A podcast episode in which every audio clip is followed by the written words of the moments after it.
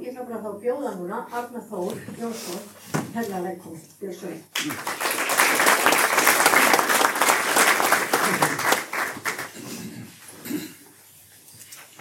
komið sæl og takk fyrir að bjóða mér að koma ykkar. Ég hérna uh, vil gætna leggja svona þessari umræðu lið því að þetta hefur verið mér hugleikið. Þegar ég kom í þennu gættin á hann mætti ég manni sem kynnti sig sem Ásker Pétursson, hann situr hér einhvers staðar. Og Ásker segir við mig að hann sé að lesa bók sem ég skrifaði og hún, hann segir, hún fjallar eiginlega meir um heimsbyggi heldur en lögfræði. Og ég segi það er sannlega rétt hjá þér. Vegna þess að lögin eru sprottin upp úr samfélaginu. Þau eru sprottin af heimsbyggilegum trúalegum og sögulegum og menningalegum rótum. Þetta er, skiptir geysilega miklu máli og mér langar að tala um þetta við ykkur í kvöld út frá þessum sjónarhóli.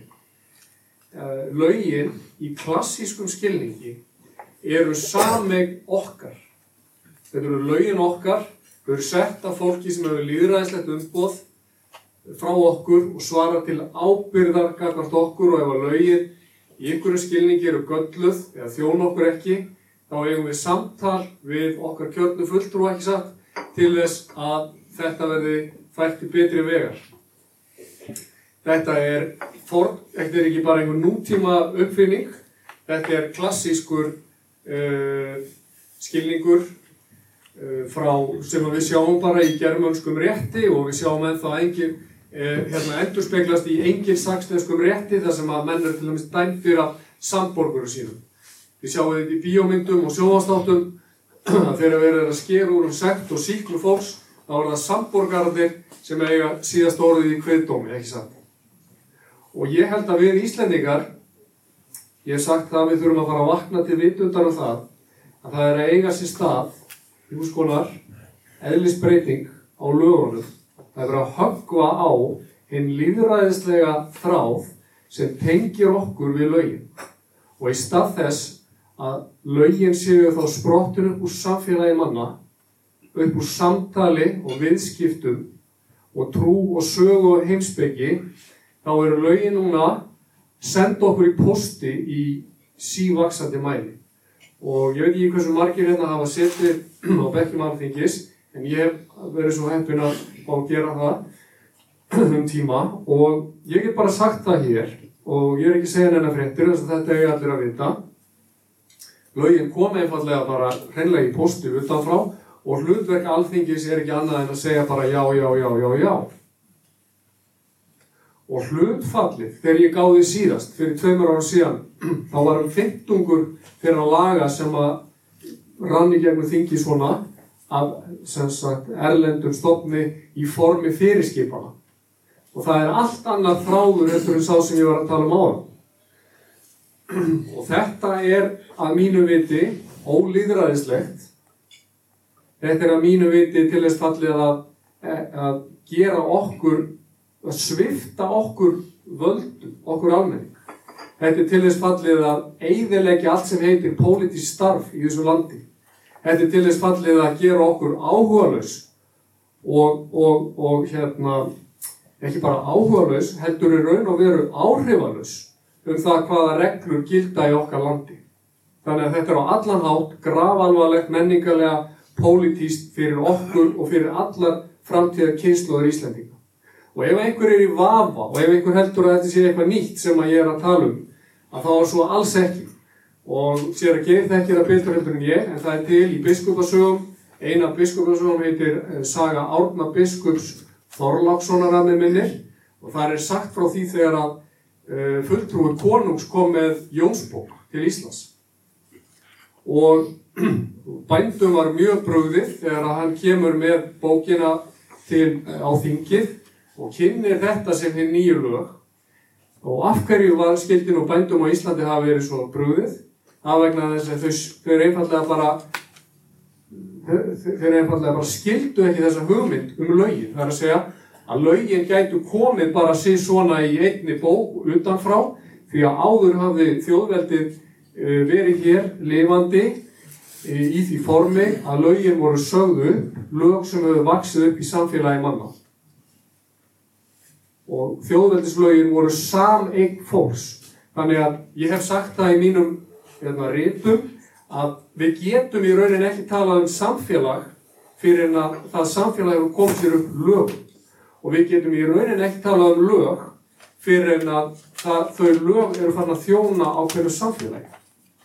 Og ég bara vil kalla eftir því, þeirru vinnir, að við, við ekki bara sko opnum augun fyrir þessum graf alvarlega, þessu graf alvarlegu þróun sem er eiga sér stað, heldur reynum að vekja almenning til vitundar um það sem er að gerast. Ég flett upp núna árin ég kom til ykkar og flett ég upp hér bara svona til að undistrykka þetta að Jónas Hallgrímsson hann var svolítið einn mesta og merkilegasta vitsmun að vera sem að þessi þjóði og þetta land hefur alveg. 1840 talar hann um það að, að, að Íslendingar þurfi að, hafa, þurfi að vakna þegar við sofið of lengi draumþingum á. Og hann er að tala um alþingið nýja, hann er að hvetja þjóðina 1840 til þess að endurvekja alþingi. Þetta er ákall hans til Íslendinga 1840. Og um daginn vitnaði ég grein í morgunblæðinu til Jóns Helgasonar eh, sem var merkilegur maður, profesor í íslensku. Hann skrifa 1951 svo þjóð sem dottar dáðlös vilja sló og dillar þeim er ljúa blekja svíkja skal fyrir en varir hrend í harða kló. Hægt er að festast bátmun úr að víkja. Og ég held að við séum í svipaðri stöðu núna og það séu full ástæða til þess að við uh, sendum út nú einhvers konar vakningar ákall til land okkar því að við, það er gengur einfallega ekki að við tökum þá áhættu að það sé höggvið á þennan þráð sem ég hef gert hér á umtalsefni. Ég vil, ég vil undirstryka að Ísland og Íslendingar hafa aldrei samþygt að verða hluti af einhvers konar evrópsku sambandsríki. Þetta verður aldrei verið borið undir íslenska þjóð. Það hefur vissulega verið gert e, víða á meginlandi Evrópu og breytum var sínt svo virðing að þeir fengu að kjósa það hvort þeir vildu vera áfram í þessu eða ekki og þeir sögðu þessu úr þessu var ekki 2016-17 en hér á Íslandi er, ekki, er okkur ekki sínt svo lámas virðing að við sem þjófáum að tjá okkur um það hvort að við viljum sógast nær því alvaldi sem að býr í Brussel og sendir okkur hinga lög og fyrirskipanir og seilist til aukina áhrifa hér. Við höfum aldrei samþýtt þetta og ég segi 1993 var, var skilað hér lögfræði álitum og þar var á grundvelli lögfræði álits frá svo kvöldu fjórmenningum tekið svo ákvörðun að og, og komist það nefnst að EES í þáverandi mynd. Takk ég eftir, í þáverandi mynd 1993 sem eru núna 30 ár liðin síðan samræmdist íslensku stjórnarskrán og það var með herkjum talið samræmast íslensku stjórnarskrán nú eru 30 ár liðin og að mörguleiti hefur orðið eðlist breyting á því samstarfi sem að við gerðum staðilar af því að Þetta er ekki lengur bara viðskipta legs eðlist, þetta er margt annað og tegið sér yfir svið sem að engan óraði fyrir þetta myndi ná utanum. Verður sér að komið inn á svið loft, loftslagsmála, ekki satt?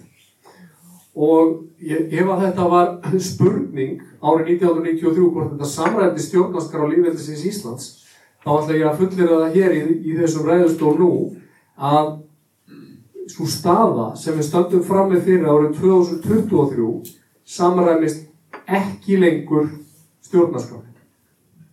Og það að það er að fara að ganga nú enn lengra í þá átt að vangstífa alþingi og grundvallarstofnarnir okkar lífveldis er þá sko komið út yfir og út fyrir öll þau mörg sem ég hefði sagt að væri, væri ásættanlega.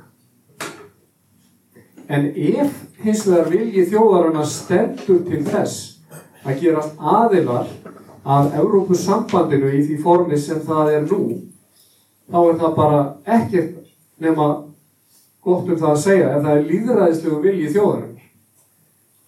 Hins vegar hefur aldrei verið kosið um og okkur er aldrei gefið kostur á því og fullveldið, alveg eins og ég segi, ef að lögin eru okkar einn, sem þau sannarlega eru, íslensk lög, þá er fullveldið einn íslensku þjóðarinnar og það getur enginn afsalað því fullveldi nefn að þjóðin sjálf.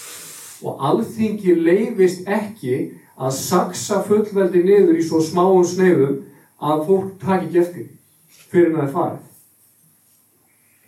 Hér er eiga sér stað, ef ekkert verður aðgert, grundvalla breyting á stjórnarfari á Íslandi sem er bara graf alvarleg. Það er að segja það sem að valdið í raun og veru er flutt úr höfuborg Íslands frá kjörnum fulltrúum til ennbættismanna í, í erlendu borgum og ég held að við getum verið sammálu um þá, ég vissum að sér að geir mér taka undir það með mér að fátt er hættulega heldur en vald sem svarar ekki til nefnar ábyrðar. Við búum í vaksandi mæli við ósýnilegt ennbættismanna vald. Því að það er raunin. Európusambandið er ekki líðræðislegasta samkoma á meilandi Európu og þvert á móti þar fara ósýnilegir ennbættismenn með allt og mikið völd og svara ekki til nefnar ábyrðar. Þannig að ég veit ekki hvað ég á að hafa þetta mikið lengra en ég hef vissulega margt að segja og ég veit ekki hvað þið hafið mikla, hérna, mikla þólumæði til að hlusta á, á þetta en það sem að það sem að ég held að sé þó áhugavert fyrir ykkur að hlusta og væri kannski bara örstuðti punktar.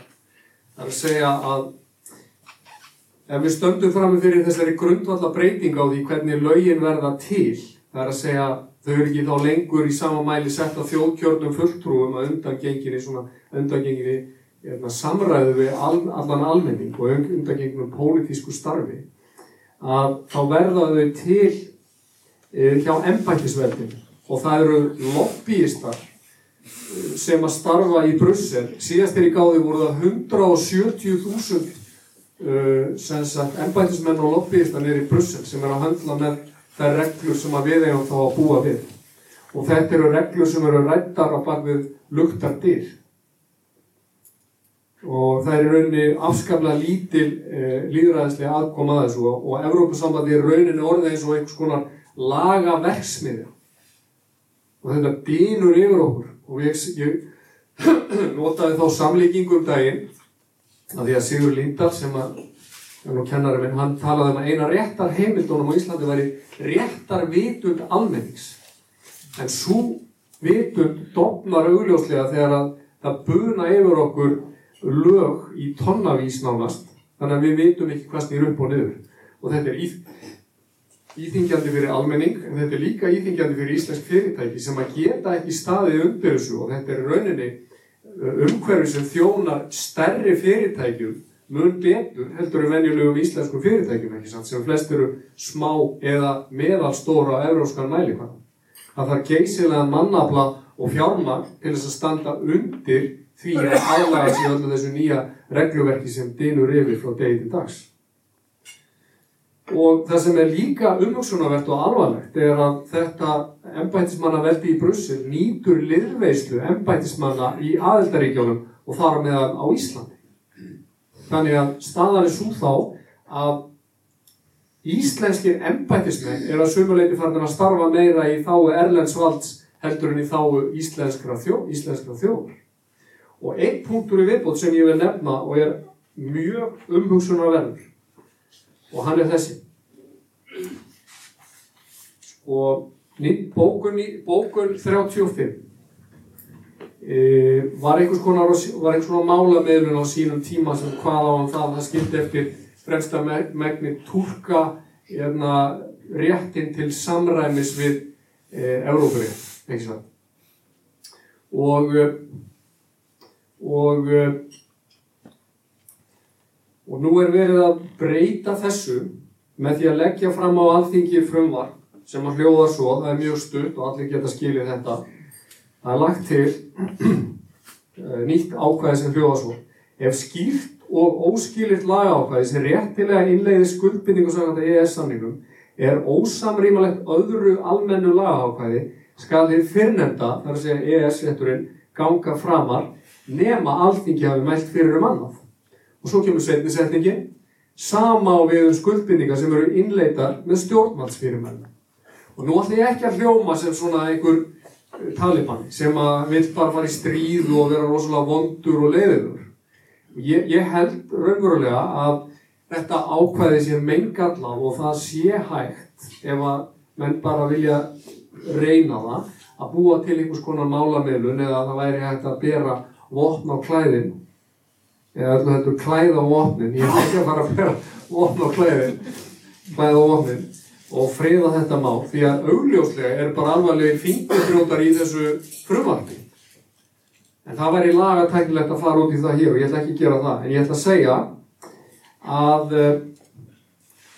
að og þetta er mikilvægur punktur og ég ætla að þetta er loka punkturinn að við verðum að skilja hvað við erum að fást við og við erum að fást við sagt, stærstu lagaversmiðu í sögu mannkynsins sem að þetta eru tugir þúsunda blaðsína af lögum og reglum sem að er, er þessi sagt, réttur ESB í dag og aðalatriðið þar er að það sé réttar eining á milli allra þessara aðeldaríkja Európa-sambandsins.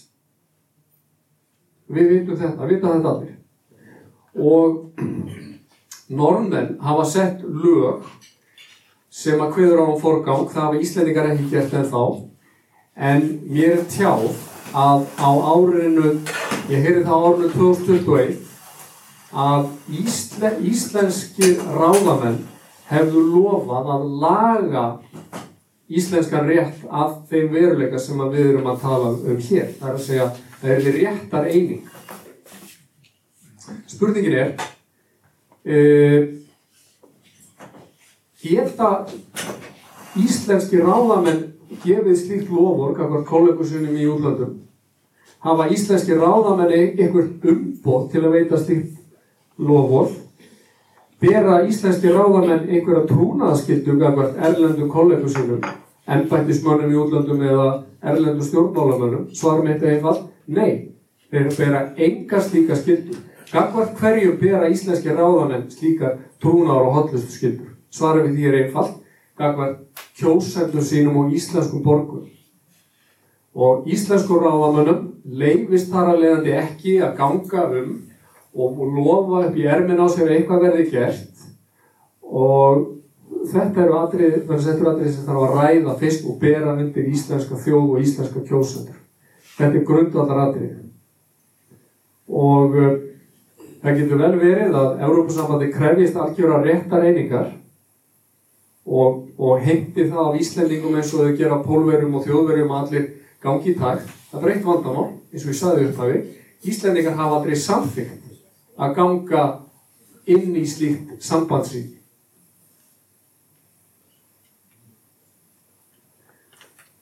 Svo að við verðum að eiga þetta samtal, ég tel að þessi fundur séu jákvægt innleg í það, samtali verður að eiga sér stað.